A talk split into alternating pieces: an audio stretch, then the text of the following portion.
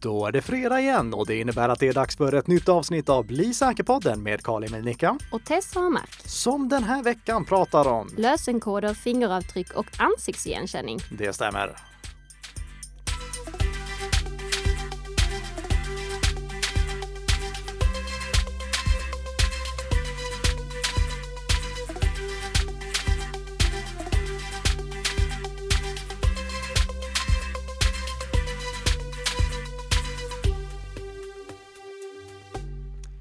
Ja, god morgon, god morgon Tess! Ja men god morgon!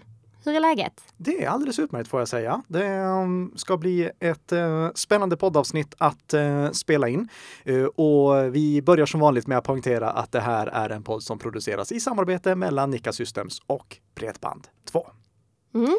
Och det har ju hänt en del denna veckan också. Sannerligen. Bland annat så har det kommit nyheter från Mobile World Congress. Mm. En, ja, det är väl egentligen världens största mobilmässa. Ja, i eh, Barcelona. Där mobiltillverkarna har tävlat om att eh, böja mobiltelefoner och det ena med det andra. eh, och det gör ju att veckans ämne är väldigt aktuellt. Det är det ju. För vi ska ju prata då om lösenkoder, fingeravtryck och ansiktsigenkänning. Men först tänkte vi då beröra en incident eh, som har hänt eh, med WinRAR, ja. som är ganska all allvarlig. Har du WinRAR på din dator? Nej, det har jag inte, för jag har faktiskt inte Windows. Ah, Okay. Har du det?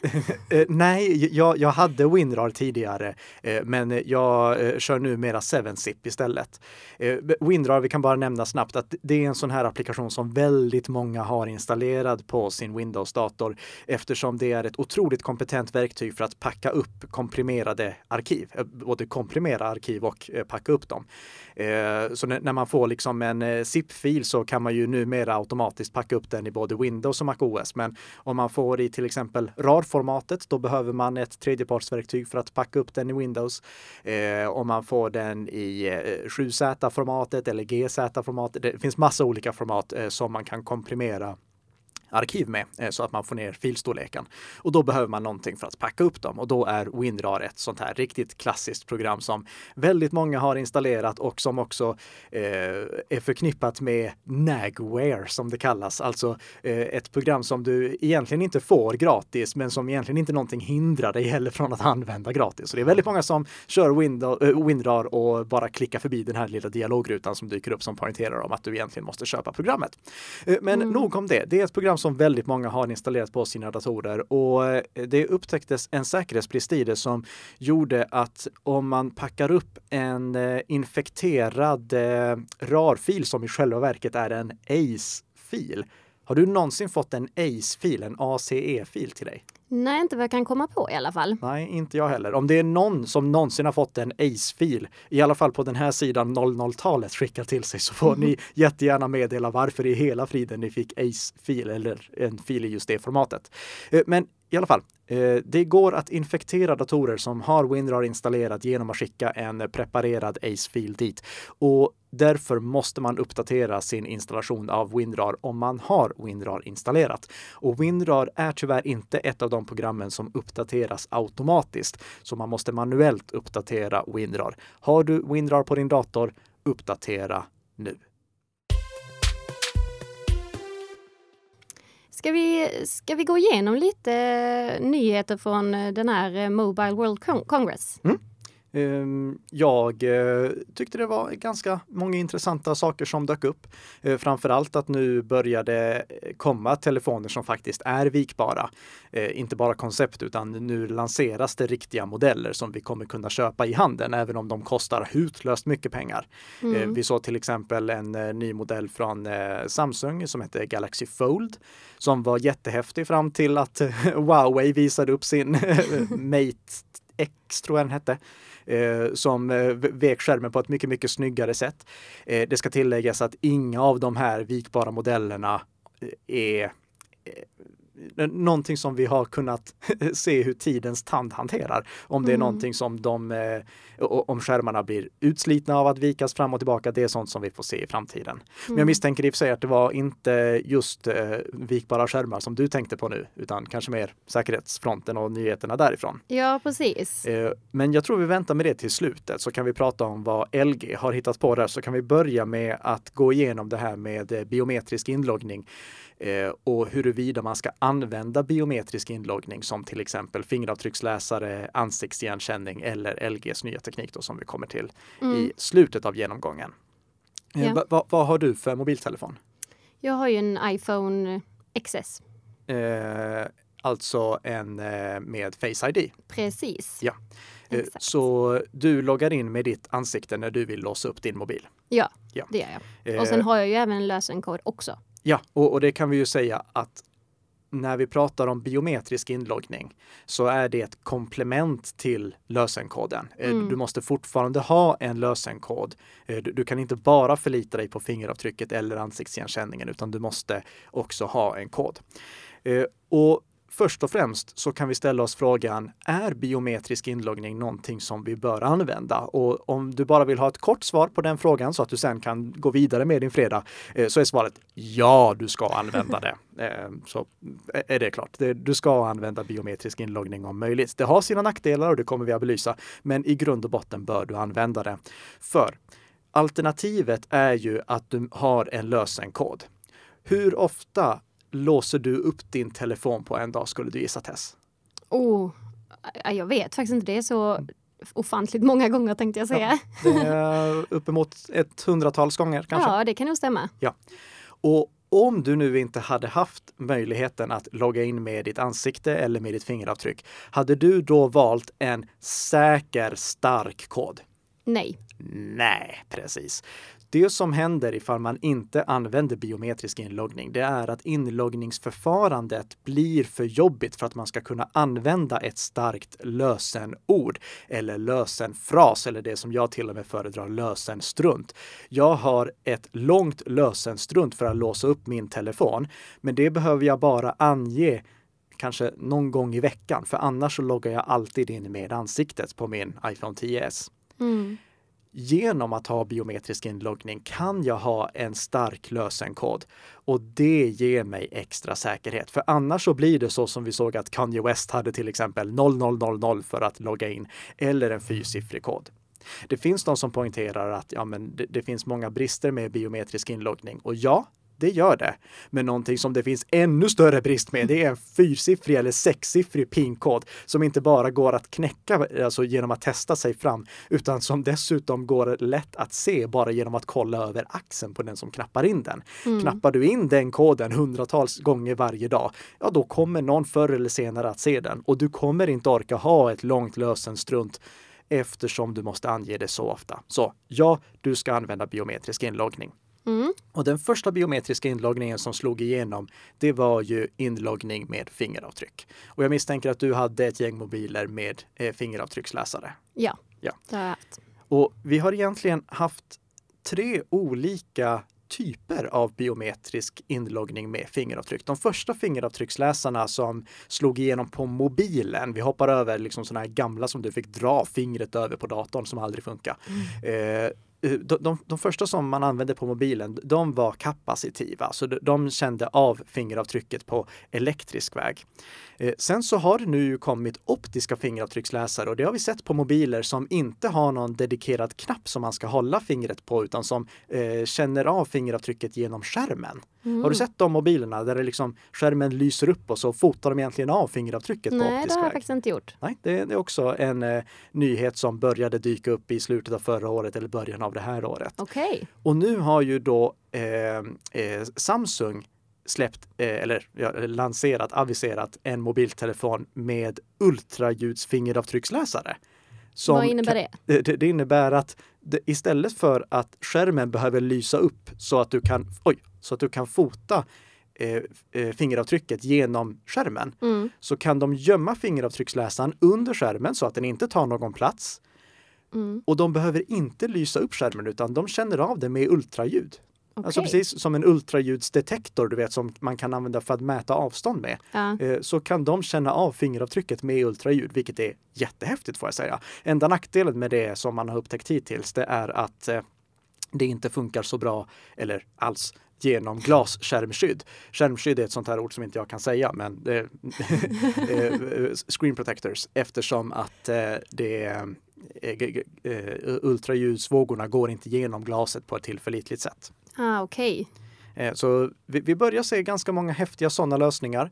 Eh, vi kan inte dra någon slutsats av vilken av dem som är säkrast än så länge, för det, det varierar eh, och vi har inte haft någon studie som har gått igenom vad som är säkrast av de här.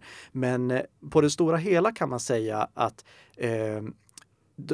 fingeravtrycksläsare är ett säkert autentiseringssätt i förhållande till att du knappar in en kod. Så det är ett bra komplement där. Mm. Eh, men vi kan inte säga vilken av de här tre typerna som är säkrast och det är också för att det förekommer olika typer av modeller. Ja. Men, en, förlåt. Ja, eh, en oro som jag vet att många har, det är vad som händer med ens fingeravtryck. Vad gör mobiltillverkaren med det? Och mm. det är någonting som jag förstår att man oroar sig för, för att om vi backar tillbaka till fingeravtrycksläsarens genomslagstid, eh, då fanns det inte på Android-plattformen någon standardiserad lösning för hur fingeravtrycksläsare skulle fungera. Det gör det sedan lanseringen av Android 6.0 som släpptes 2015. Men fram till dess så fick eh, tillverkarna hitta på sina egna lösningar. Apple har alltid gjort fingeravtrycksläsning på ett korrekt sätt. Eh, de lagrar all information de behöver ha om fingeravtrycket i en liten kryptoprocessor. Och fingeravtrycket lämnar aldrig den, det vill säga eh, det finns ingen risk att Apple snor ditt fingeravtryck. Det laddas inte upp till någon server eller något sånt. Eh, men det fanns fingeravtrycksläsare som inte fungerade så tillförlitligt i Android-sammanhang. Till exempel på HTC One Max X så fanns det en riktigt dålig fingeravtrycksläsare som lagrade fingeravtrycket som en bildfil på själva mobiltelefonens lagringsyta. Mm. Och det, det, är ingen snygg lösning. Eh, men numera, kör man en uppdaterad modern Android-mobil så behöver man inte vara orolig för att fingeravtrycket hamnar på avvägar. Det är ju skönt att höra. Ja. Måste jag säga. Men eh, i december Mm. så skrev bland annat den amerikanska nyhetssidan The Verge om hur två appar utnyttjade Apples Touch ID.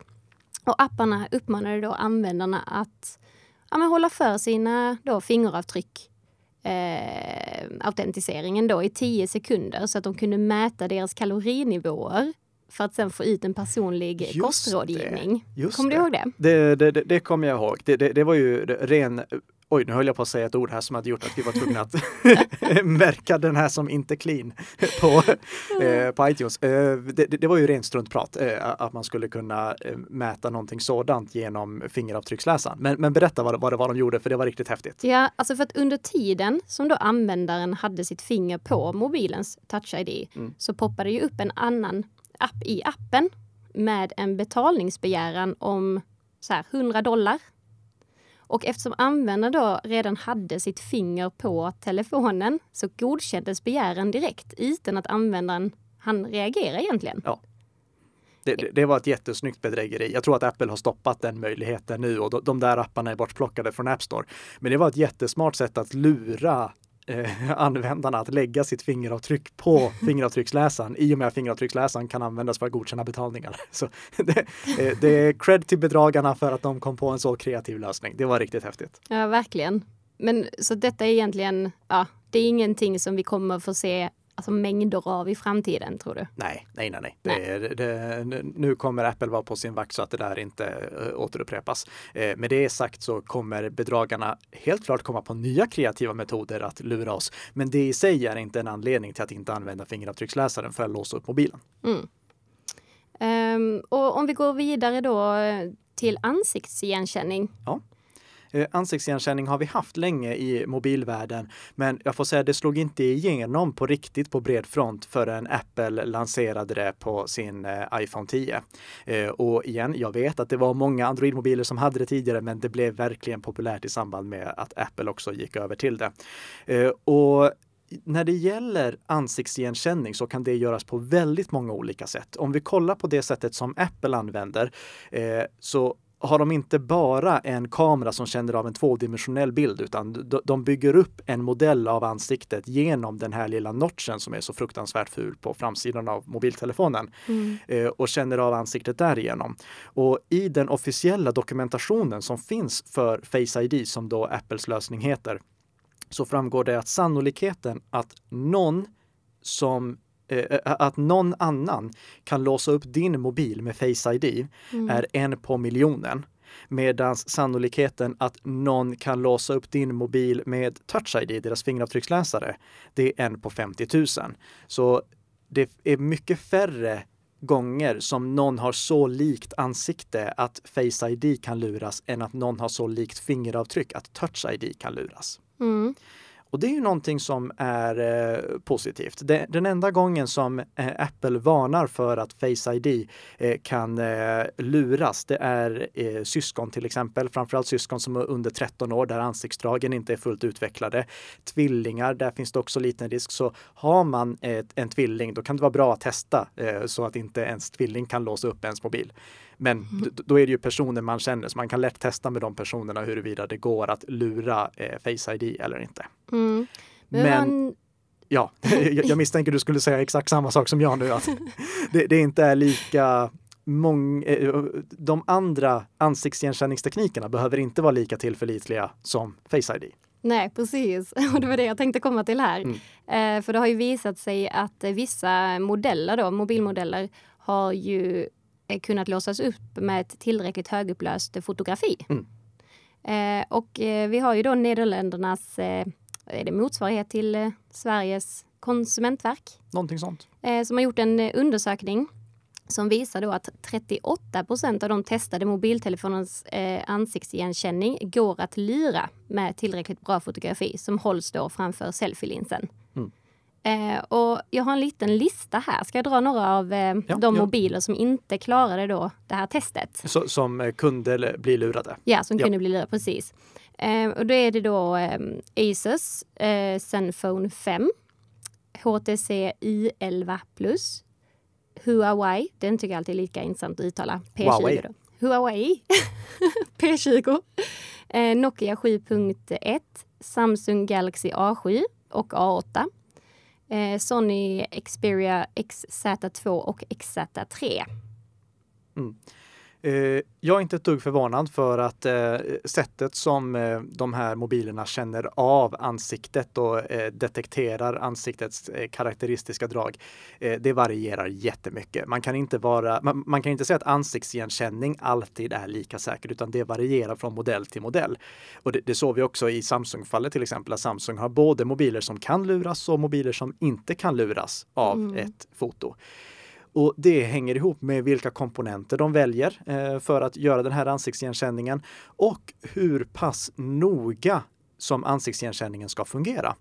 Vi kan väl säga som så här att när man kollar på liksom, eh, Youtube-recensioner av mobiler och deras eh, ansiktsigenkänningsinloggning så poängterar de ofta, oh kolla här hur snabbt det går, oj så snabbt det går, titta så snabbt det går. Mm. Men ju snabbare det går, desto mindre säkert blir det också om man liksom utgår från samma komponenter. Du kan ha bättre komponenter så att det kan göras säkert och snabbt.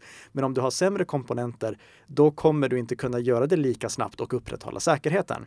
Mm. Det finns därför också mobiler där man kan själv välja om man vill prioritera att eh, ansiktsigenkänningen ska vara så säker som möjligt eller så snabb som möjligt. Och här måste mobiltillverkaren hela tiden gå en balansgång. Vad är det de ska prioritera? Hur mycket prestanda, alltså snabb upplåsningshet, kan de offra för att få god säkerhet? Och ibland så går de fel på den balansgången. Eh, Mm. när det gäller Apple, då tror jag på det de säger att eh, Face ID, deras ansiktsigenkänning, är säkrare än eh, Touch ID, deras fingeravtrycksigenkänning. Men det är inte någonting som man kan säga att genomgående gäller. Enkla mobilkameror kan luras av ett foto. Så man får kolla från mobiltelefon till mobiltelefon huruvida man ska använda eh, ansiktsigenkänning eller fingeravtryck. Och som tur är på många Android-mobiler så finns båda alternativen. Man kan välja vilket av dem man vill använda eller om man vill använda båda. Mm. Jag kan nämna några mobiler som klarade då Mm. det här testet. Så att om eh, du som lyssnar har en sån här telefon så kan du känna dig lycklig. Ja. Ehm, men det är Apple iPhone XR, Mm. iPhone XS, eh, Honor 10, HTC i12 Plus och nu är det det här fantastiska namnet som du får uttala, Nika. Jag har inte listan framför mig så jag vet, eller Hua- jo, jag, Hua- jag, jag kan gissa Xiaomi. Nej, Hua, Hua, Huawei, okej. ja. Huawei. Mate 20, Motorola G6, OnePlus 5T, OnePlus 6 och då Samsung eh, Galaxy A9. Um, så ja, det är ju... Ja, jag känner mig glad i alla fall. Det, mm. eh, jag rekommenderar dig helt klart att använda ansiktsigenkänning. Om du inte köper värsta budgetmobilen. Köper du en budgetmobil så är det troligtvis inte den bästa ansiktsigenkänningstekniken som är där i. Men vi ska inte glömma att även om någon kan lura den med ett foto så går det också att eh, spionera på vilken lösenkod du trycker in. Så eh, igen, det, man måste hela tiden väga säkerheten mot vilka alternativ som finns. Mm. Och vill man se hela listan så kan man hitta den via länkar både på Bredband2s och Nika Systems sida. Absolut. Ja. Eh, um, sen så har vi då det senaste från eh, eh LG, nämligen hand-id. Ja. Eh, och det verkar i min värld vara en gimmick, men jag ska absolut inte avfärda det, för jag har inte testat det själv och det här är den första mobilen som har det. Det är alltså en mobil som, eh, deras nya LG G8 ThinQ, som inte bara har eh, ansiktsigenkänning och fingeravtrycksläsare, utan också hand-id, en kamera som skannar av venerna i din hand när du håller handen ovanför. Mm. Eh, jag vet inte exakt när det skulle vara en fördel jämfört med fingeravtrycksläsare eller ansiktsigenkänning. Eh, förutom, jag kan tänka mig när jag sitter i bilen, eh, mm. då kan det ibland vara svårt att låsa upp mobilen med ansiktet för att jag inte kollar på mobilen. Då kan det kanske vara mer praktiskt att hålla handen ovanför mobilkameran och låta mobilen låsas upp på det viset. Mm vi eh, får ju se när den här mobiltelefonen väl finns i handen och någon börjar testa hur pass säkert det här är. Eh, men det är onekligen intressant att det fortfarande uppfinns lite nya sådana här inloggningslösningar. Det, ja, vi är verkligen. inte fast med de som vi har hittills utan det, det kommer hela tiden nya. Mm man bli, ville bli eh, värst på marknaden helt enkelt. Ja, det, ja. Och, och, och, lansera någonting nytt. Och det mm. är ju LG ganska kända för att de testar hejvilt massa olika saker. och eh, ibland går det väl och ibland går det inte så väl. LG G5. Eh, eh Okej, okay. eh, hur som helst, bara för att sammanfatta det här. Mm. Eh, använd definitivt biometrisk inloggning på mobiltelefoner där du har stöd för det. Och välj då en längre kod. Välj gärna ett lösenord eller lösenstrunt i och med att du ändå så sällan behöver slå in det. Eh, använd eh, fingeravtrycksläsaren eller en eh, ansiktsigenkänning. Men tänk på att kvaliteten på ansiktsigenkänningens säkerhet varierar väldigt mycket från mobil till mobil. Så köper du en budgetmobil, då ska du kanske inte förlita dig på att säkerheten där är så hög som den är på premiummobilerna. Med det sagt så kan det fortfarande vara lämpligt att använda ansiktsigenkänningen eftersom det är säkrare säkrare än en fyrsiffrig kod.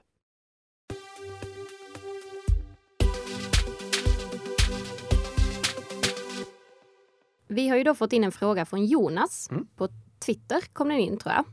Eh, och han skriver följande. Börja med att tacka för en bra podd. Um, angående Facebook och säkerhet. Hur ser du på att det blir allt vanligare att man kan logga in på olika tjänster med sitt Facebook-konto istället för att skapa ett unikt användarkonto för varje tjänst? Mm.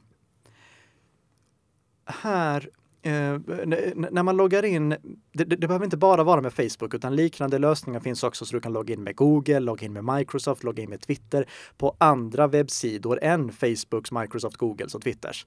Eh, det här kallas eh, OpenID och OAuth. Eh, det, det är en kombination av de två teknikerna som gör att du dels kan logga in eh, med ett eh, Facebook, Twitter, Google eller eh, Microsoft-konto eh, och också ge den tredjepartssidan som du loggar in på vissa rättigheter, till exempel. Eh, du kan dela med dig av ditt foto, du kan dela med dig av ditt namn eh, så att du slipper fylla i det på alla sidor som du skapar ett konto på. Eh, till exempel eh, min eh, nyhetsläsare Feedly. Där kan jag välja vad jag vill logga in med. Om jag vill logga in med Google eller Facebook eller om jag vill skapa ett användarnamn och lösenord och logga in precis som på vilken sida som helst. Mm. Eh, men vi kan väl bara sammanfatta eh, eller samla allt det här under logga in med Facebook så vet ni att jag syftar på alla de här andra tjänsterna också. Men det är lättare att säga logga in med Facebook än att säga OpenID och OAuth. Mm. Eh, och det har ju otroligt otroligt många fördelar. Lägg märke till att det fanns lite sarkasm i tonen här. Eh, eh, du slipper hålla koll på lösenord. För uh, vi vet ju att det är jobbigt att hålla koll på alla lösenord. Och om du loggar in med Facebook, då behöver du inte komma ihåg eh, lösenordet till alla sidor där du väljer att logga in med Facebook. Du behöver bara komma ihåg ditt Facebook-lösenord. Och det är ju jättepraktiskt att du slipper hålla koll på lösenordet till Feedly och du slipper hålla koll på lösenordet till alla de här andra tjänsterna. Du klickar bara på logga in med Facebook och så väljer du tillåt. Det låter ju helt fantastiskt. Så mm. det här borde man ju egentligen använda istället för en lösenordshanterare, eller hur? Och dessutom, jag slipper fylla i namn och jag slipper fylla i vilken bild jag har. Det här Okej, okay, jag ska sluta. Mm. Ja, till slut börjar man ja. tro på detta för det låter som en riktig dröm. Ja, eh, nej, använd inte. Eh, jag, jag, kan säga som så här, om du inte använder en lösenordshanterare så är det här bättre än att du återanvänder lösenord. Eh, mycket, mycket bättre. För det är inte så att du, den här tjänsten gör inte att du fyller i ditt Facebook-lösenord överallt, utan eh, tjänsten skapar en koppling till Facebook, en unik koppling till Facebook. Du ger aldrig ditt Facebook-lösenord till den här tjänsten som du loggar in på, utan Facebook håller koll på ditt lösenord och sen använder, det, eh, använder tredjepartstjänsten bara Facebook för att eh, autentisera dig. Eh, så det, det är bättre än att du återanvänder lösenord överallt, men jag hade absolut rekommenderat dig att skapa unika lösenord till alla sajter och använda en lösenordshanterare istället. Och det är eh, framförallt av integritetsfokus. Eh, för du berättar ju för Facebook precis allt du gör i så fall om du använder Facebook för att logga in. Eh, Facebook får reda på alla ställen som du har konton i så fall. Plus, jag vet att det är många som har funderat på att lämna Facebook. Men det blir väldigt svårt att lämna Facebook om du då också gör det omöjligt att logga in på alla ställen som är kopplade till ditt Facebook-konto. Mm. För då, då måste du förhoppningsvis eh, kunna skapa ett användarnamn och lösenord istället. Men om du inte kan göra det så är du väldigt låst, för du måste ju fortfarande då ha kvar Facebook för att kunna logga in där. Fantastiskt eh, och, bra idé från eh, Facebook då? Absolut. Mm. Det, det, det, här är ju anledningen till att de tillhandahåller den här tjänsten gratis. Mm. Eh, för, för det, det, gör att du blir inlåst i deras ekosystem. Du kommer inte därifrån. Du måste ha Facebook för att kunna logga in överallt annars. Eh, och sen så har du också nackdelen som eh, jag tror vi pratade om i förra podden, eh, den här nya bedrägerimetoden som jag pratade om där en falsk Facebook-inloggningsruta dyker upp. Mm. Och om ni inte lyssnade på förra podden så gör det, för det, det, är verkligen jättesnyggt gjort av bedragare. Ett fantastiskt fint sätt att kapa Facebook-lösenord. Men vi kan väl säga som så här. Jag rekommenderar inte att du loggar in med Facebook på andra ställen än på Facebook. Mm. Mm. Har vi något annat eh, vi vill tillägga där eller? Eh, nej, jag nej. tror inte det och tiden är slut i alla fall. Så det, eh, vi får tacka så mycket för att du lyssnade på det här poddavsnittet av eh, Bli säker med Karin Milnicka och Tess Hamark. Eh, om du har en lyssnarfråga som du vill att vi tar upp så skicka jättegärna in den via våra sociala medier. Ja, och vi finns ju ja, överallt mm. tänkte jag säga. Så ni hittar oss på Twitter, LinkedIn, Facebook, ja. Instagram. Ja, så bara fråga. Mm. Eh, och om eh, du eh, skickar in veckans fråga, den som blir upptagen som veckans fråga, då får du också bli säkerboken som tack för att du bidrog med en bra fråga. Så det är ytterligare en anledning till varför du ska göra det. Så jag ska nu skicka iväg en Bli säkerbok till nu har jag glömt namnet på vem det var som ställde veckans lyssnarfråga. Jonas, va? Jonas, ja. Eh, så en bok kommer till dig och ett nytt avsnitt kommer såklart till dig som lyssnar också nästa fredag, framför allt om du prenumererar och det bör du jättegärna göra för att eh, ja, sprida lite eh, gott rykte kring den här podden och det kan du också göra genom att recensera den på iTunes ifall du vill. Eh, och tipsa gärna också någon om att prenumerera för då blir jag jätteglad. och jag också då. Ja, bra. Du, jag tror inte vi får till något bra avslut på den här podden så jag säger bara tack så jättemycket för att du har lyssnat. Vi hörs nästa vecka igen. Hej då!